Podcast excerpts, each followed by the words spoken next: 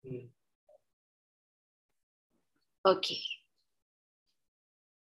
Hi everyone, welcome back to Detox by David Cokro Raharjo dan ini kembali lagi dengan Feli, your host for this episode.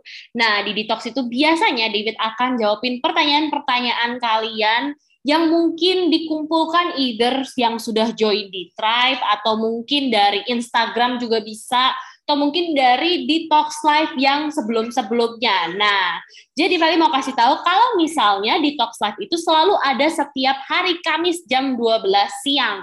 Kalau kamu mau bisa dapat akses ke detox live, caranya gampang banget. Tinggal ke www.davidcokroraharjo.com klik join di tribe dan di situ ada button detox kalian tinggal klik nanti kalian bisa dapat link untuk akses detox live setiap hari Kamis jam 12 siang gitu kira-kira. Nah, sebelum mulai nih Feli mau kasih tahu kalau hari ini ada sedikit yang berbeda karena Feli tidak bertanya dengan sendirian, Feli ditemani sama Arfan Kusniawan. Jadi ini Arfan ini adalah salah satu kunci yang awal banget. Even Feli belum di SIP dia udah ada sama sama David. Even mungkin namanya belum SIP nih udah ngekorin David udah di, di coach sama David sering banget dan sampai akhirnya sekarang perusahaannya Popcorn berkembang sangat luar biasa. Nah pasti hari ini um, Arfan bakal memberikan pertanyaan yang luar biasa. Jadi untuk memulai Feli akan persilahkan Arfan untuk bertanya. Silakan kok. Hi, uh, I'm here, Coach. uh, want to ask you real quick. I have two daughters now. Uh, you know, there's a terms called trouble two, and I believe you also uh, have experienced it as well. Now I experienced it. Uh, I experienced it that my first daughter is kind of jealous with my second one. So how do you deal with that? Thank you. Alright, thank you for asking. Ini adalah uh, seperti tadi Ferry bilang, Arfan ini adalah teman saya, uh, teman main basket. Habis itu jadi ngomong tentang bisnis. Habis itu lama-lama jadi sering minum kopi kafein saya jadi tinggi banget soalnya dia terus ngajakin saya minum kopi dan dari situ I think lahir ya kita dari sini. So back then pada saat Arfan masih ngobrol-ngobrol kayak begitu, kalian bahkan menikah aja belum gitu. Nah berarti pada saat itu kita memiliki role, kita memiliki sebuah posisi di mana adalah saya adalah pacarnya Beatrix. Udah titik selesai. Kemudian berubah menjadi adalah saya adalah tunangannya Beatrix. Oke, selesai.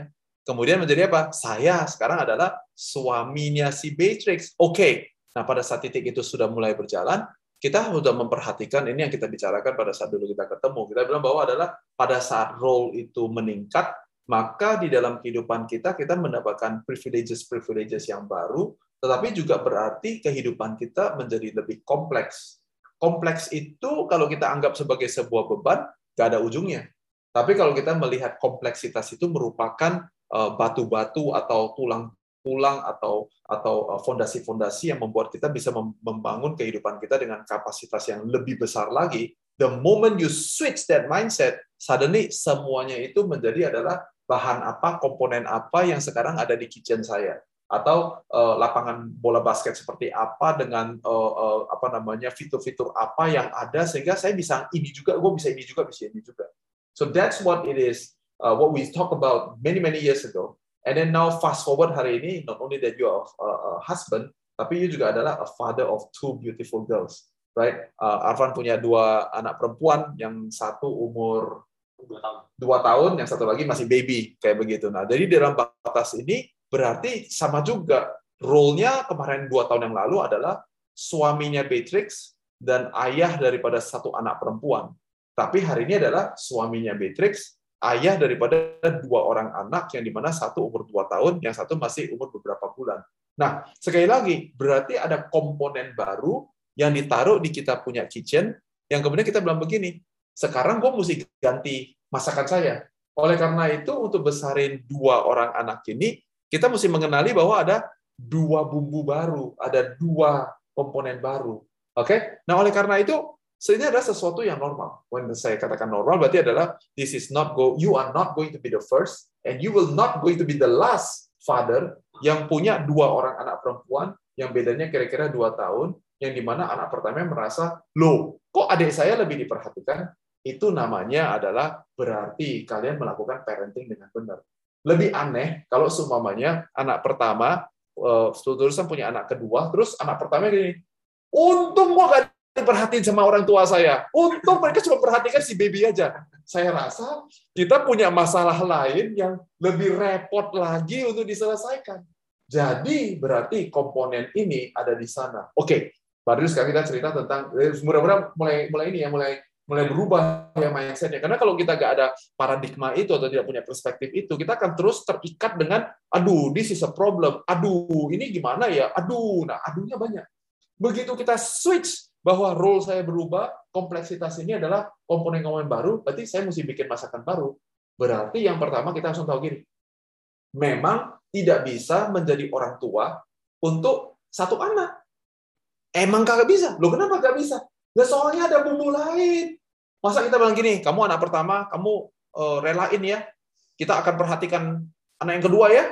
Lah, pasti anak pertama bilang, lo kok gitu? Kalau bisa ngomong gitu ya kan. Apalagi kalau anak kedua bilang gini, kamu syukur ya, udah dilahirin. Sehat toh? Ya, sekarang udah ada cici. Papa kan main sama cici. Lalu, ya tunggu nanti lah ya, tiga tahun lagi. Kalau anaknya bisa ngomong, dia juga oe oe oe dia bilang adalah pak yang bener aja pak kalau kayak gitu caranya lu mau buat atau enggak? Kan gitu. Karena itu berarti mesti punya cara baru. Nah in this season of life when you have two kids or more kids untuk beberapa kalian atau mungkin saya langsung crossover kepada kalian yang adalah pemimpin perusahaan. Dulunya cuma punya satu GM sekarang punya dua GM atau dulunya cuma punya satu core team sekarang punya tiga core team. Itu semuanya akan merubah dinamika daripada relationship kalian. Oleh karena itu filosofinya begini, yaitu adalah saya harus mencintai, mengasihi, melayani anak pertama saya 100%. Anak kedua bukan 0%. Mengasihi, melayani, dan mencintai dia juga 100%. Jadi 100%, 100%. Nah, itulah caranya untuk melakukannya. Oke, sekarang kita masuk ke dalam aplikasi. Kalau semuanya untuk Arfan adalah waktu uh, bayi digendong, anak pertama bilang adalah, lo kok dia digendong kalau saya gimana dong? Ah, semuanya kayak begitu, ya kan? Nah, berarti kita tahu ada dua komponen yang sedang bekerja. Sekarang saya mau tanya, komposisinya seperti apa? Contoh saya mau nanya ya. Kalau saya pulang ke rumah, saya menggendong bayi yang umurnya masih baru beberapa bulan, berapa lama yang saya butuhkan untuk menggendong bayi ini untuk supaya dia mengetahui bahwa adalah saya dikasihi oleh orang tua saya. Berarti kalau kita bandingkan dengan anak yang umurnya 2 tahun, berapa lamanya akan langsung ketahuan komposisinya. Pasti kita bilang begini, oh lebih lama sama anak yang gede, karena anak yang gede dia bisa jalan, dia bisa melihat, dia bisa lari ke kita, dia bisa semua-semuanya, berarti frekuensinya mesti lebih tinggi, dan panjangnya waktu akan lebih tinggi kalau dibandingkan dengan anak yang kedua. Oleh karena itu, berarti komponen yang uh, urusan yang ketiga kita udah tahu komponennya, yang kedua kita tahu komposisinya, sekarang yang ketiga yaitu adalah yang mana duluan, kan kira-kira begitu. Nah, dalam hal ini saya memberikan beberapa saran aplikatif yang mungkin gampang. Kalau buka pintu, saya akan bilang adalah I'm home. Kita bilang adalah ayo udah pulang gitu. Nah, Gak mungkin, saya akan terkejut banget kalau bayinya begini, papa sudah pulang, kemudian dia mulai merangkak ke situ, umurnya baru berapa bulan, gimana caranya pergi? Apalagi lari ke situ, gak mungkin. Jadi berarti secara otomatis yang akan lari pertama kali adalah anak kita yang sulung. Nah pada saat dia datang, kita uh, saya janji 100%, anaknya mau sekangen apa atau seapapun, kalau kita rangkul dia dan kita cium dia dan kita memberikan semua diri kita 100% gak mikirin anak kedua, saya yakin dalam waktu 60 detik sampai kira-kira 300 detik, eh, kira-kira itu marginnya. So now I'm an adult. And that first five minutes, can I do it? Jawaban saya adalah definitely 100%. Nah, kalau dia sudah dipenuhi, dan dia relate, dan dia merasa bahwa saya dicintai sama bapak saya 100%, maka pada saat saya pergi kepada anak yang kedua, tidak ada lagi friction-friction yang selama ini dialami. Kenapa? Nah sekarang nih saya masuk lagi nih bayi. Loh kalau bayi itu digendong, dia malah bisa butuh waktu lebih lama. Mungkin bisa 15 menit, mungkin bisa 30 menit. Ah, berarti dalam masalah digendong selesai urusan kita. Nah, kita mesti bertanya, kenapa? Karena seorang pemimpin dilahirkan pada saat dia memikirkan kebutuhan, keinginan, dan aspirasi daripada anak-anak kita. Yang namanya bayi, sepanjang kita dia digendong, dan kita bilang, aduh kamu cantik sekali, papa senang, kamu tambah gendut ya hari ini ya, tambah besar ya, oh kamu cantik banget sih. Walaupun bayi gak ngerti, bayinya dengar suara ayahnya, dia bilang, oh, I am so loved. Selesai. Terus kebutuhan, keinginan, aspirasi apa lagi dibutuhkan sama si bayi? Oh, lapar, minum susu. Oh, mau diajak nyanyi lagu. Oh, mau apa? Tapi periodiknya akan semuanya jangka yang pendek. Sedangkan anak umur 2 tahun untuk dicintai 100%, dia harus bilang begini, bukan cuma digendong, bukan hanya dirangkul, bukan hanya dicium, tapi dia begini, saya mau uh, gambar uh, binatang sama papa, saya mau pergi ke taman dan lari bersama dengan papa. Saya mau, oke, okay. berarti ada kebutuhan, keinginan, aspirasi lain yang perlu dipenuhi. Nah, berarti tidak bisa hanya single trajectory melihat oh siapa digendong, tapi kita melihat kebutuhan keinginan daripada anak kita. Nah di sinilah walaupun uh, Arfan bukan ayah pertama dan tidak akan menjadi ayah terakhir, tapi karena anak kita semuanya berbeda-beda dan unik adanya, maka kebutuhan, keinginan dan aspirasi daripada anak kita semuanya menjadi berbeda-beda gitu. Ya, jadi sekarang saya kasih fast forward supaya kelihatan nanti kalau semuanya lima tahun dari sekarang, kira-kira kalau kita kerjakan ini dengan benar, hasil keluarnya apa? So as an example, saya memanggil anak perempuan saya yang paling besar, I always say that you are the princess of our life. Jadi dia adalah tuan putri daripada hati saya. Saya kasih dia julukan, namanya adalah pumpkin pie. Oke, okay? Uh, jadi uh, kemudian anak saya itu kalau kan namanya perempuan gitu, jadi suka dia dirangkul sampai cium sampai nah, sekarang kalau udah 14 tahun kalau dicium dia bilang papa, papa. Kenapa? Karena sudah teenager. Tapi papa-papa itu maksudnya itu ngomongnya gayanya aduh nggak mau nggak mau. Tapi sebenarnya hatinya buka toko bunga karena wah seneng banget papa saya sayang saya. Itu hasil kalau dikerjakan 14 tahun. Untuk anak saya yang kedua saya tanya sama dia who's the man? Dan dia bilang adalah I'm the man. Itu anak saya yang kedua Daniel. Jadi yang pertama tuan putri. Yang kedua saya bilang adalah siapa laki-laki setelah papa yang akan mempertahankan keluarga ini, yang akan jaga. Jadi dia selalu posisinya kayak warrior, posisinya selalu kayak general, posisinya selalu adalah kalau ada kacok di rumah, siapa yang pukul mati? Anak saya yang kedua. Wah, pokoknya? I'm the protector of the family. Kalau saya dulu sebelum COVID saya mau pergi keluar kota, saya tanya, Daniel, who's the man? Said, I'm the man. When I'm orang, who's the man? I'm the man, papa. Oke, okay. jadi ada bonding spesial 100% yang dia tahu adalah gua adalah pengganti bapak gua. Ah, itu ditanamkan. Sama anak yang ketiga, sampai hari ini sudah hampir 9 tahun. Setiap pagi dia datang, "Good morning, papa." Lalu dia terus saya begini, Jojo, you forget something. Terus saya begini, kalian nggak yang mendengarkan tuh nggak bisa lihat, tapi dia keluarkan bibirnya, cium saya. Ciumnya bukan di pipi, ciumnya adalah di bibir saya. Dan waktu dia cium saya di bibir saya, saya gini. Dan saya bilang adalah, you are my energizer. Dan saya kasih sama dia, do you know kenapa papa setiap hari penuh dengan energi? Because you energize me every single day. Kalau malam mau tidur, kadang-kadang lupa dia cium saya di bibir saya. Saya sesasang lagi. Aduh Jojo, papa mana bisa tidur? You just give me energy, I cannot go to sleep. You see, I bond with each of my child. I love each of my child in a different way, 100%. Anak saya yang pertama, gak usah diajak olahraga. Dia maunya bangun jam 10 pagi bila perlu. Bila perlu jam 12 siang. Anak saya yang kedua, karena dia adalah, ayah adalah warrior, I'm the man in the house.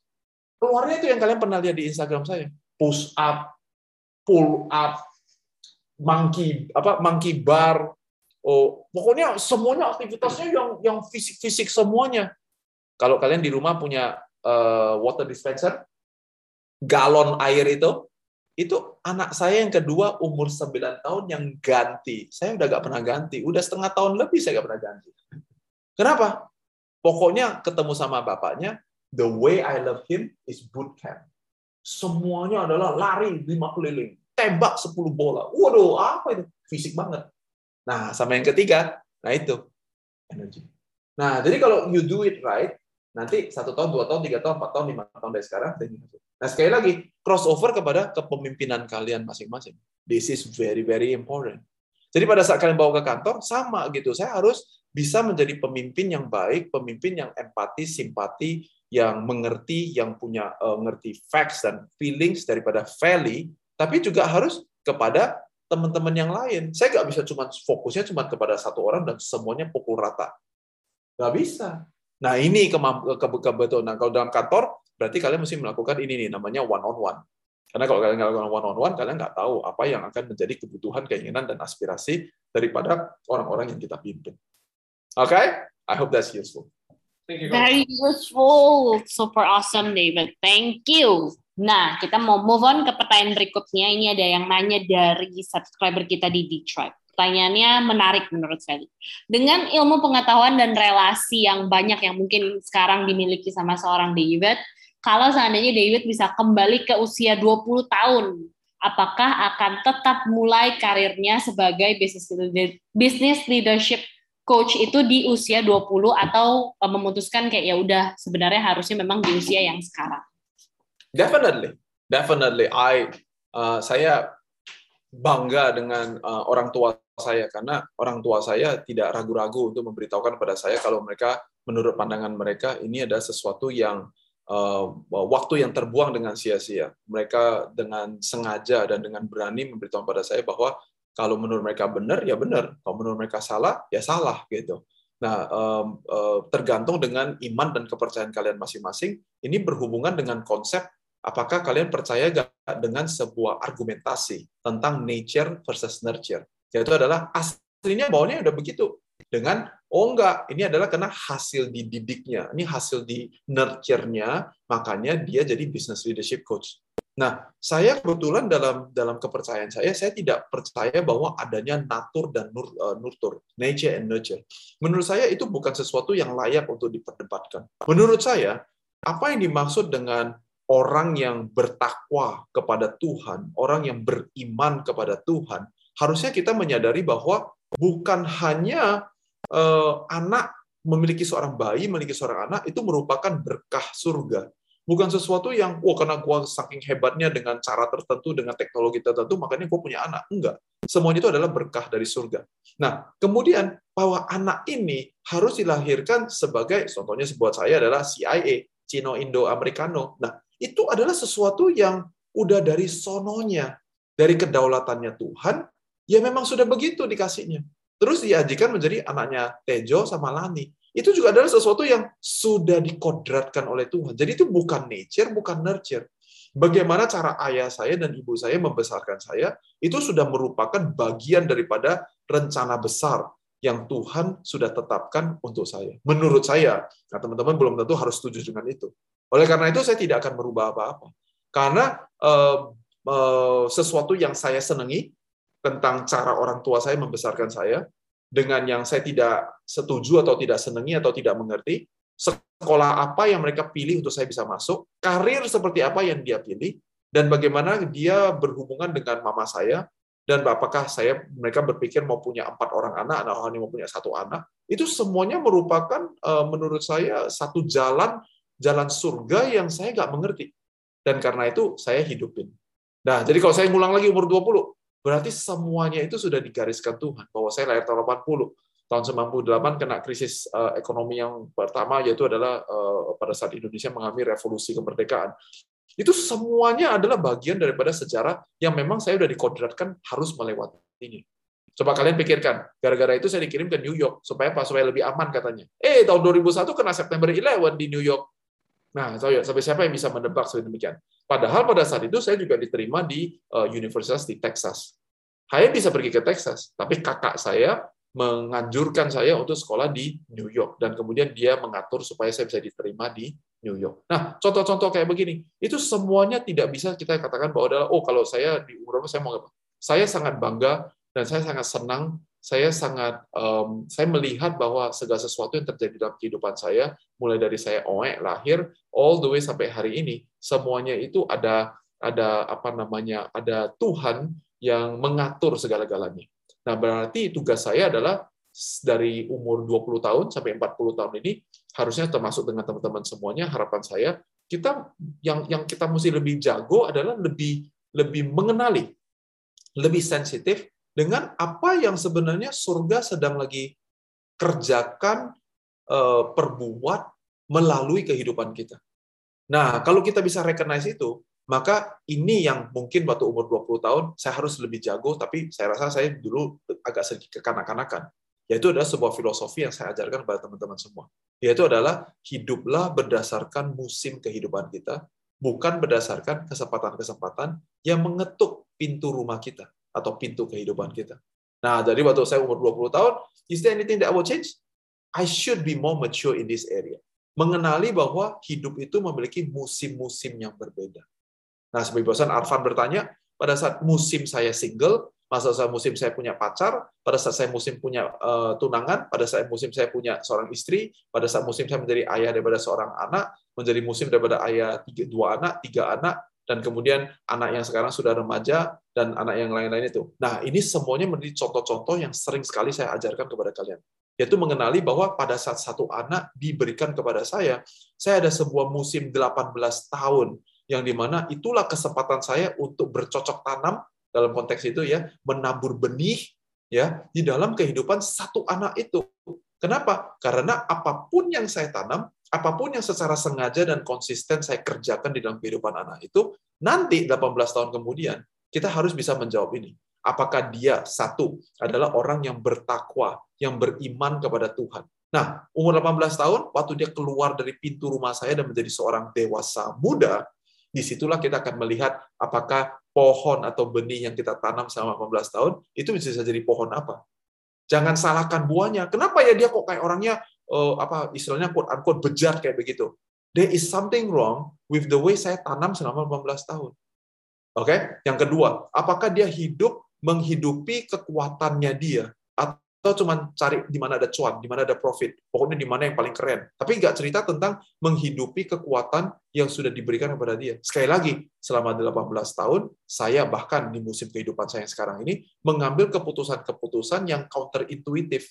Mengambil keputusan-keputusan untuk sekolah anak-anak saya yang agak sedikit uh, mungkin nggak normal untuk uh, kebanyakan daripada orang. Kenapa? Karena saya tahu bahwa saya lagi bercocok tanam, saya lagi berinvestasi di musim ini. 18 tahun untuk setiap anak. Oke, okay? dan kemudian yang ketiga, apakah hidup mereka menjadi hidup yang berdampak buat bangsa dan negara kita? Sekali lagi, kalau selama ini saya mau cari yang convenient, liburan mau yang convenient, uh, masak di rumah mau yang convenient, semuanya mau yang convenient, maka dia selalu adalah taker, dia bukan giver. Jangan heran kalau waktu umur 18 tahun, kemudian anaknya nggak bisa ngapa-ngapain. Anak-anaknya nggak pernah punya simpati, empati, nggak pernah mau berpartisipasi untuk sesuatu yang lain. Pokoknya cuma me, myself, and I. Pokoknya asal gua senang. Pokoknya asal tuh. Kalau pacaran, bawaannya selalu apa? Pokoknya yang bikin gua happy. Bukan apa yang sedang kita mau bangun. Nah, itu semuanya merupakan tergantung kepada apa? Benih yang kita tanam. Nah, kalau saya karena kita mengenali musim kehidupan itu, maka sekarang ini selama 10 tahun belakang ini khususnya saya dan istri saya mengambil keputusan-keputusan yang mungkin kalau ada orang yang benar-benar tahu orang bahkan berada fit, tapi kan itu akan membangun karir kamu. Itu kan bisa bikin kamu jadi sukses besar.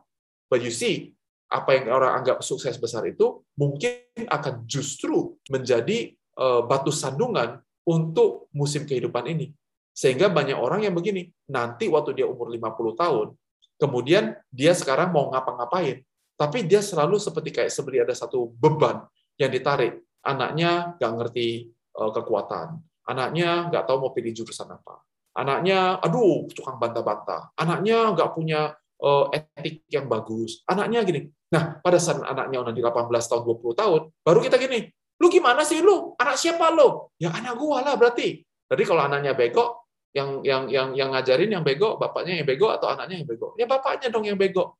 Nah, ini contoh nih, ya contoh. Saya mudah-mudahan tidak menyinggung perasaan siapa-siapa. So in your own things when you are 20 years old, kalau ada sesuatu yang kalian perlu bisa hidupi dengan lebih baik, itu adalah musim kehidupan. Nah, di dalam musim kehidupan saya waktu saya umur 20-an, ada satu yang saya sering katakan sama kalian, yaitu adalah jatuh bukan gagal. Jatuh tidak sama dengan gagal. Kalau kalian masih umur 20-an dan kalian kerja atau buka usaha dan things like that, ingat ini bahwa jatuh tidak sama dengan gagal. Jatuh itu bukan gagal. Oke, okay? jadi artinya adalah ke it's okay kalau semuanya di uh, tiga tahun pertama setelah kalian lulus kuliah, lima tahun pertama setelah lulus kuliah, kalian kayaknya coba kiri, coba kanan, coba kiri, coba kanan untuk mencari jadi itu masih normal menurut saya. Menurut saya itu masih normal. Tapi bayangkan ya guys ya, kalau kalian sudah 10 tahun keluar dari kuliah, Kalian sudah 15 tahun keluar dari kuliah. Kalian sudah 20 tahun di pasar. Tapi masih mocok-mocok, masih coba semuanya. Kurang normal, bukan? Nah, jadi hidup menurut musim kehidupan. Hiduplah menurut musim kehidupan. Waktu saya umur 22 tahun, saya sudah meminang eh, Julia untuk menjadi istri saya. Tapi pada saat saya umur 22 tahun, guys, saya nggak ragu-ragu tentang masa depan saya. Saya tahu apa yang sedang saya kerjakan. Saya mapan. Karena itu, saya mau ngajak seorang wanita untuk menjadi istri saya, untuk menjalani uh, kehidupan ini di kapal yang sama, bersama-sama. Tapi karena saya kaptennya nakoda, saya sudah tahu mau ke mana. Dan saya juga tahu dia mau pergi ke mana. Dan dia bersedia untuk menjadi penolongnya saya. Bukan berarti jadi orang nomor dua ya, bukan co-captain atau asisten, enggak ya. Tapi artinya memang kapal ini harus punya satu orang yang komando. Dan dia tahu saya kaptennya saya mau pergi ke mana, dan saya tahu dia mau pergi ke mana, maka kita masuk dalam satu bahtera yang sama, kapal yang sama, yang namanya adalah pernikahan. Untuk apa? Untuk 50 tahun dari sekarang kita mau pergi ke mana? That's a key question for you guys that you thinking in this line line of uh, thoughts. 50 tahun, karena pernikahan menurut saya yang sukses minimum 50 tahun. Oke okay, ya, jadi waktu saya menikah saya umur 26. 50 tahun berarti adalah waktu saya umur 76 tahun, saya akan merayakan anniversary kami yang 50 saya bisa katakan bahwa adalah I love you today dan 50 years ago when I first met you. Nah, itu adalah namanya pernikahan. Cerita 50 tahun. Oke? Okay? Ya, jadi itu itu semuanya berhubungan dengan musim kehidupan. Kalau saya mau pakai dua kata, musim kehidupan itu yang mungkin dulu umur 20 tahun saya kurang mengerti dan akhirnya membuat beberapa kesalahan. Ya, uh, tetapi hari ini saya 40 tahun, 20 tahun kemudian saya belajar bahwa adalah hidup itu sebenarnya sederhana sepanjang kita bisa sinkron dengan surga. Sinkron dengan surga itu caranya bagaimana? Mengenali musim kehidupan kita. Asal saya mengenali musim kehidupan kita, sebetulnya hidup itu sangat luar biasa sederhana. Oke, okay, maybe Feli mau nanya satu pertanyaan lagi untuk episode kali ini agak mirip-mirip juga nih somehow tentang topik musim-musim juga, tapi ini pertanyaan itu datangnya dari salah satu detox kita yang judulnya ganti bus. Nah, dia nanyanya gini, e, bukankah punya mental untuk mau menyelesaikan sesuatu yang dimulai adalah bagus even though ketemu sama orang yang sulit? Nah, tapi di batas apa nih kalau kita harus berkata kalau oh ini waktunya untuk kita let go dan ganti bus atau uh, kita bilang oke okay, gue harus bertahan karena siapa tahu nih orang ini menajamkan skill saya berkomunikasi misalnya atau skill dalam bidang lainnya. Uh, you know, the art of letting go is um, most of the time it's about how you feel, apa yang kita rasakan, ya kan? Uh, contoh, kalau semuanya saya kasih tahu sama kalian bahwa dalam 20 20 sekian tahun ini saya sudah menjadi founder, co-founder, investor, CEO confident, dan coach dari beberapa ratus perusahaan. Apa yang ada di dalam pikiran kalian? Either kalian bilang ada David adalah orang paling pelin-pelan sejagat raya. Masa dalam 20 tahun punya ratusan uh, perusahaan, baik secara uh, langsung atau tidak langsung didirikan oleh David. Nah, kalau semuanya kayak begitu adalah cara pandang kalian, maka very likely kalian akan jatuh dalam posisi yang di mana it's very difficult for you to let go of something. Oke, okay? Nah, buat saya, saya saya hanya bisa memberikan beberapa pemikiran yang saya alami, yaitu buat saya, how to let go and when to move on itu berhubungan dengan bahwa saya sangat menerima diri saya yang apa adanya. Yaitu adalah kalau dikasih pilihan. David adalah entrepreneur atau kasih kata kunci hashtag startup atau David adalah business owner hashtag management maka saya akan katakan kepada kalian bahwa I am first and foremost a startup person. Saya adalah orang yang get excited kalau seumpamanya ada sesuatu masalah atau sebuah kondisi yang di mana semua orang katakan adalah kita bingung gimana cara selesaikannya. Ini mana mungkin bisa dimulai. Ini gak, ini semakin banyak orang yang mengatakan tidak mungkin, itu membuat saya semakin membara-bara dan bisa gak tidur hanya untuk mikirin gimana caranya supaya dia sampai bisa. Oke? Okay? Tapi dalam konteks business owner artinya adalah pemilik bisnis yang di mana tugas kita adalah untuk manage perusahaan itu. Pada prinsip dasarnya saya bukan seorang manajer.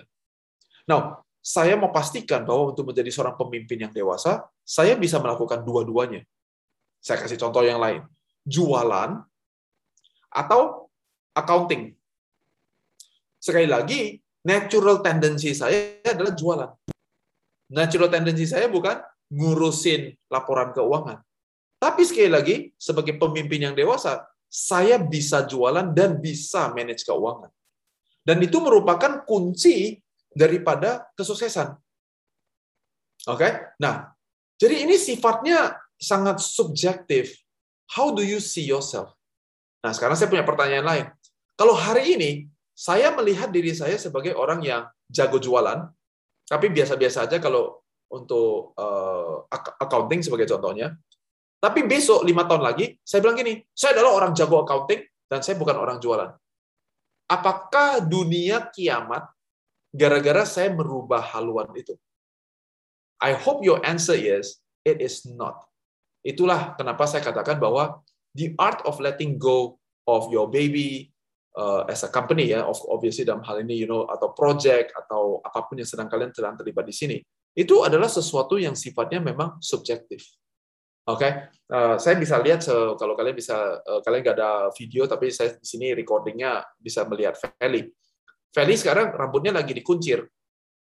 Kalau seumpamanya pada prinsip dasarnya saya melihat adalah perempuan rambut dikuncir ah kelas 7, kelas murahan, seumpamanya itu akan bikin saya untuk let go Feli atau move on dari Feli jauh lebih cepat. Karena setiap kali saya lihat, setiap kali saya merasa bahwa adalah apa ini kok jelek ya. Nah kalau saya bilang setiap kali saya lihat Feli dan di kepala saya bilangnya jelek, jelek, jelek, jelek, jelek, 100 kali, maka yang dikali yang ke 10 ribu kali, very likely I will move on. So sekali lagi, it's very subjective.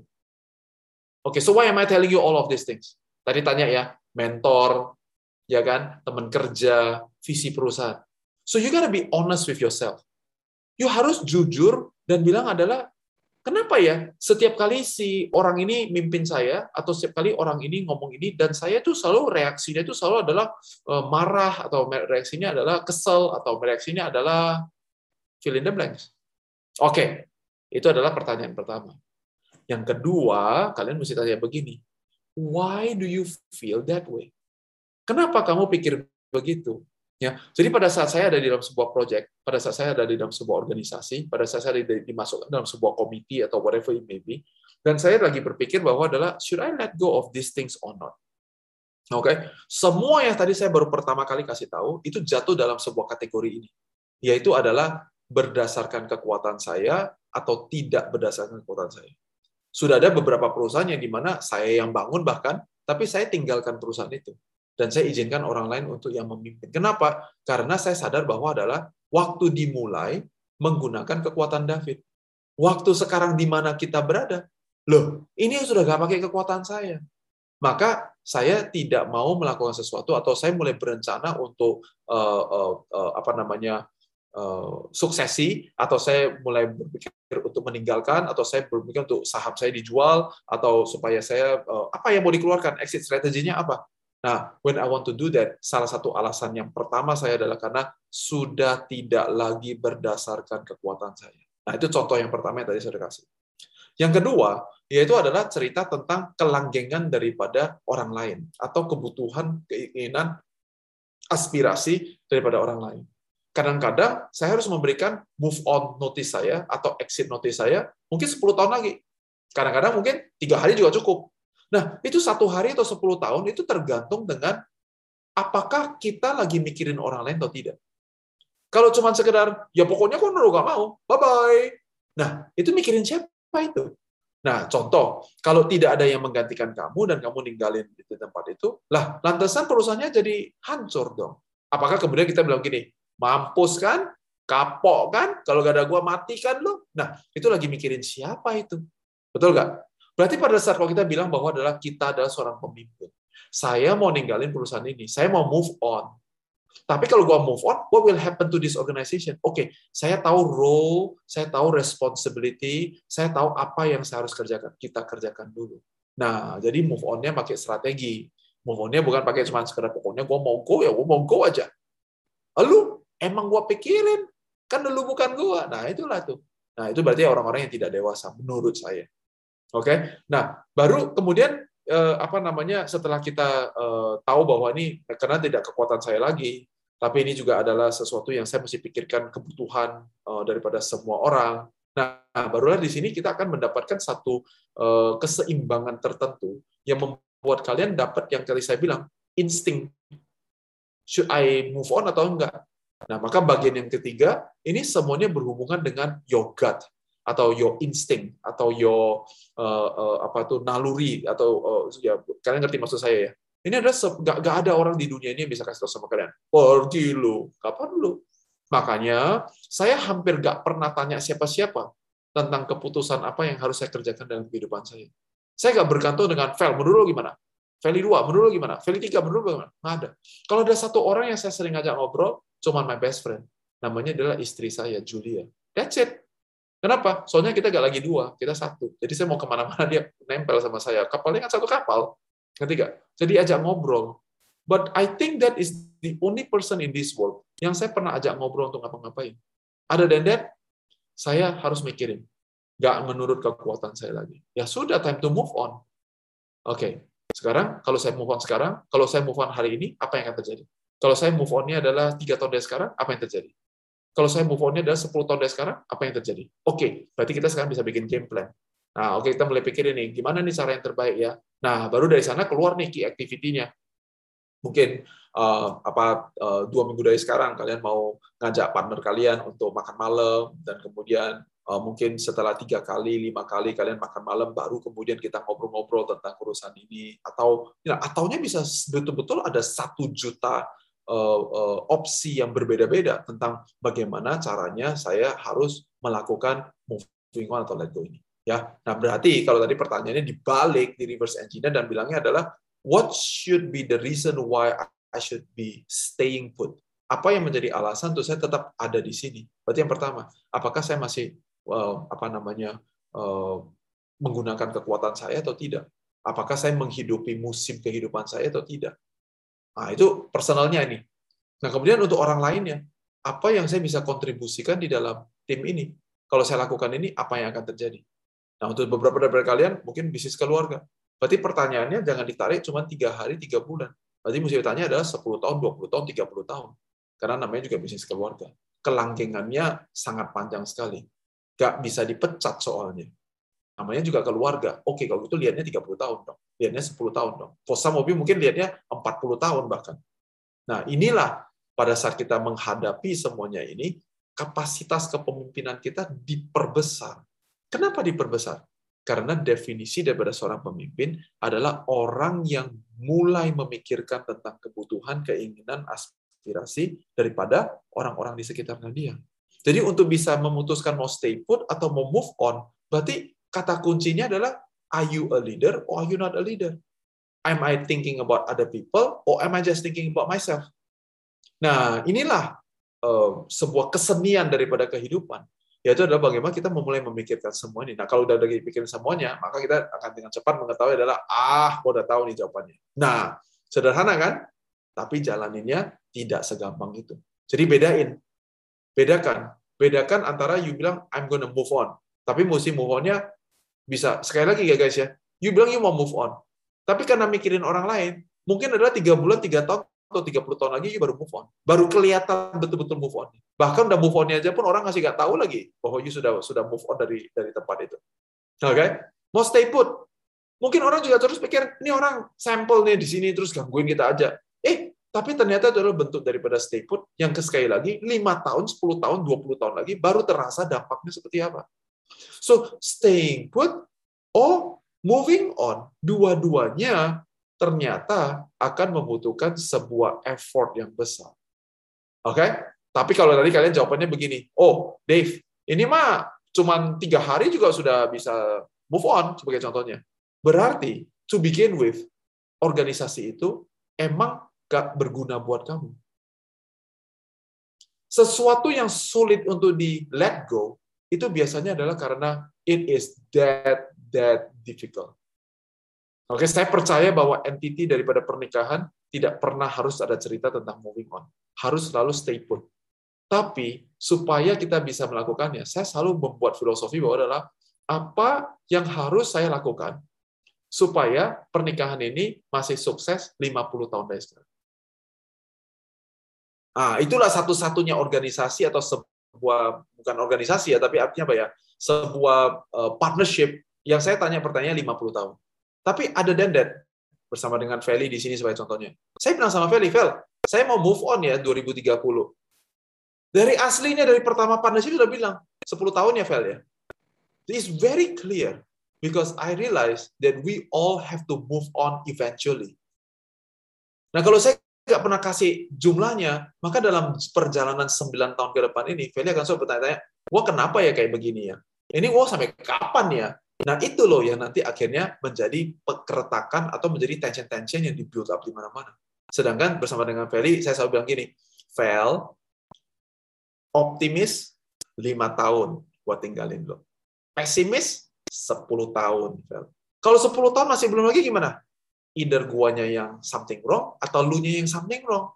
Masa moving on 10 tahun nggak sampai-sampai? Satu dekade loh. Anak aja sekarang berarti nanti umurnya udah 10 tahun. Masa 10 tahun nggak jadi apa-apa? Anak gua aja 9 tahun dibentuk jadi sesuatu. Masa partnership kita 10 tahun gua masih belum bisa move on?